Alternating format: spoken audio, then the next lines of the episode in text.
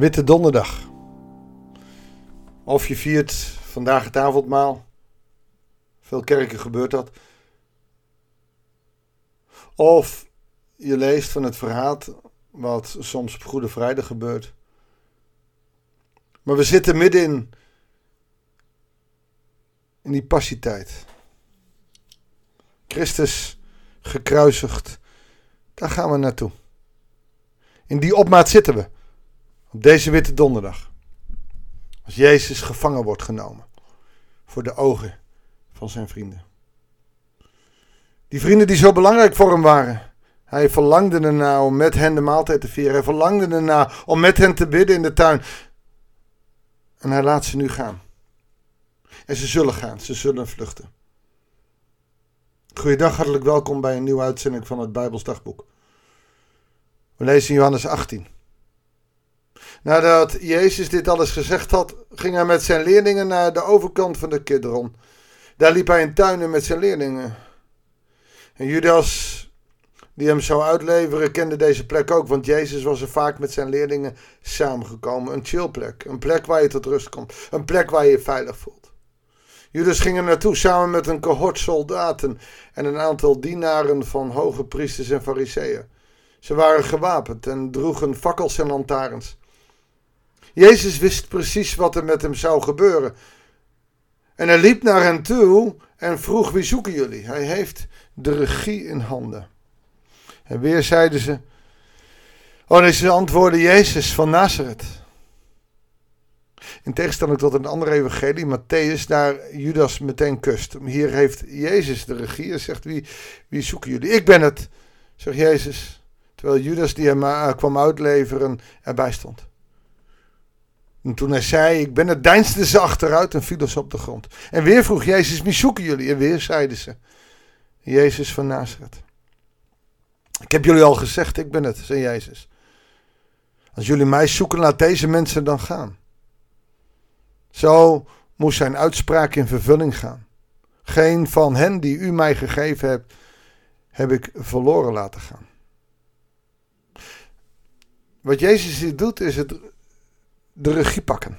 Feitelijk is jij hier zijn koningschap aan het opnemen. In het Matthäus-evangelie zien we dat Judas een verraadt met een kus en moet het nou zo. En hier gaat het anders. Hier krijgt van Johannes krijgt Jezus meer de regie. Hoe het exact gegaan is, weten we niet. En tot twee keer toe, ze vallen achterover. Waarom? Omdat Jezus met autoriteit spreekt en omdat Jezus, die gezocht wordt, zelf zegt, hier ben ik. Wat een bizar iets. En dan nog wat. Hij ruilt zich in voor zijn discipelen. Opdat in vervulling gaat dat geen van hen verloren zou gaan. Wat je hier ziet, is dat hij het feitelijk heeft over de eeuwigheid. Dat verloren gaan, weet je, eh, ze zoeken Jezus en de discipelen kunnen gaan. Maar hij zegt: laat deze mensen gaan, heel bewust. Want zij zijn bestemd voor wat anders. Zij zijn niet bestemd voor de dood waarin ik ga. Zij moeten daar niet betrokken bij zijn. Zij zijn bestemd voor het eeuwige leven. Maar het gek is dat het hier lijkt alsof het om het hier en nu gaat. En het mooie van het eeuwige leven is dat hier en nu onderdeel is van het eeuwige leven. We zijn nu al onderdeel van het eeuwige leven. Waarom? Omdat we gestorven en opgestaan met Christus zijn. Omdat wij in Christus zijn. Dus wij leven al in die eeuwigheid die komen gaat. midden in alle gebrokenheid. Maar hoe meer we bij hem leven, hoe meer we ook eh, ervaring hebben van die eeuwigheid huidige tijd, in de tijd van Jezus, maar ook deze tijd, is daar een onderdeel van. En daar doelt hij hierop in deze tekst. Simon begrijpt dat niet. Daarop trok Simon Petrus het zwaard dat hij bij zich had, haalde en uit naar een krecht van de hoge priester, die er dus ook bij was, en sloeg hem zijn rechteroor af. Malchus heette de knecht. Maar Jezus zei tegen Petrus: Steek je zwaard in de schede. Hij heeft net al gezegd: ik heb jou tot een ander doel. Jij bent er voor die eeuwigheid, wil ik je bewaren. Maar dan moet ik dit doen. En maar Petrus snapt het niet. Wat moet Jezus hier immens eenzaam al zijn geweest? Ze begrijpen me niet. Met de dood in de ogen. En niemand snapt hem. Steek je zwaard in de schede. Zou ik de beker die de vader mij gegeven heeft niet drinken? Wat is dit voor gifbeker? Wat is dat voor afschuwelijk iets? Petrus snapt het niet. De soldaten met hun tribune en de Joodse gerechtsdienaren grepen Jezus en boeiden hem. Alsof hij een crimineel was. Ze brachten hem eerst naar Annas, de schoonvader van Caiaphas. Caiaphas was dat jaar hoge priester. En hij was het die ook de Joden had voorgehouden. Het is goed dat één mens sterft voor het gehele volk. Mooi hè? Het is goed dat één mens sterft. Dus beter die Jezus sterven zodat het volk in rust blijft. Het is goed dat één mens sterft voor het hele volk. Terwijl Jezus sterft voor het hele volk, voor de hele wereld, wist Caiaphas niet wat hij zei. Simon Petrus kwam met een andere leerling achter Jezus aan. Deze andere, leerlingen, uh, andere leerling kende de hoge priester en ging met Jezus het paleis van de hoge priester in. Deze andere leerling, dat is Johannes. Alleen die noemt zich in zijn eigen evangelie niet zichzelf. Dat is bescheidenheid. De andere leerling. Maar ja, maar Petrus bleef buiten de poort staan. En daarop kwam de andere leerling, de kennis van de hoge priester, weer naar buiten en sprak met de portierster en nam Petrus mee naar binnen. En dat is dan zo'n grote middenplaats waar Caiaphas woonde, waar heel veel mensen waren. Het meisje sprak Petrus aan. Ben jij soms ook een leerling van die man? Nee, ik niet, zegt Petrus. De knechten en de gerechtsdienaar stonden zich te warmen bij het vuur dat ze hadden aangelegd, omdat het koud was. Ook Petrus ging erbij staan om zich te warmen. De hoge priester ondervroeg Jezus over, over zijn leerlingen en over zijn leer. En Jezus zei: Ik heb in het openbare tot de wereld gesproken.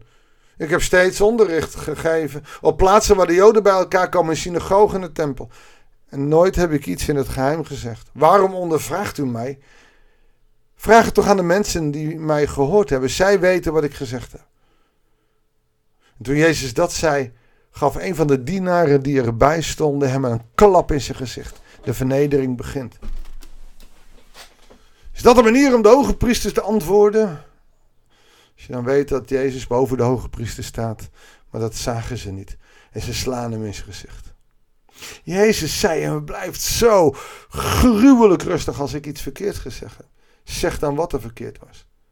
Wat Jezus doet is niet het slachtoffer uitgehangen. Hij weet dat hij moet sterven, maar hij doet het met opgeheven hoofden. Maar als het juist is wat ik gezegd heb, waarom slaat u me dan? Daarna stuurde Annas hem geboeid naar Caiaphas, de hoge priester. Simon Petrus stond intussen nog steeds te warmen. Ben je ook een leerling van hem? vroegen ze. Nee, ontkende Jezus, ik niet. Maar een van de knechten van de hoge priester, een familielid van de man van wie Petrus het oor had afgeslagen, zei: Maar ik heb toch gezien dat je in die tuin bij hem was? Weer ontkende Petrus en meteen kraaide er een haan. Dit is het moment dat niet alleen Jezus in die eenzaamheid lijdt, terwijl hij dat nu nog met opgeheven hoogte doet, met een klap in zijn gezicht. Dat zal erger worden met bespuwing en gijzeling. Maar ook Petrus heeft door wat hij doet. Het drama volbrengt zich. Niet alleen bij de meester, maar ook bij de leerling. Het verraad is daar geweest. Petrus kan niet meer terug. Hij heeft hem verraden. En Jezus had het notabene gezegd en had het ten stelligste ontkend. Dan mogen wij nu al leven in die eeuwigheid van Christus. Nog steeds kunnen wij hem verraden. Kunnen wij de eeuwigheid verraden voor de wereld en het wereldse. Wat een ongelooflijk bizar verhaal. Als je de individuen die je daar ziet meeneemt. Als je ziet wat er allemaal gebeurt, stukje voor stukje. En ook dit jaar zullen we er snel doorheen gaan. Maar het is, het is triest. En ik zou zeggen, lees in deze dagen wat meer en lees het hele evangelie van Johannes of van Matthäus. Maakt me niet uit. Van mij met de Matthäus Passion. Maak het mee. Beleef het. Ervaar het. En kijk eens naar die individuen. Naar Johannes, die andere. Of naar Maria.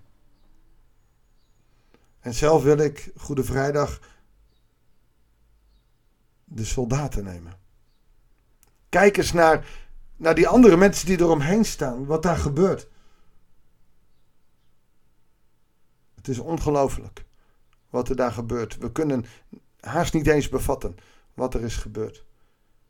We kunnen Christus, we kunnen God alleen maar danken.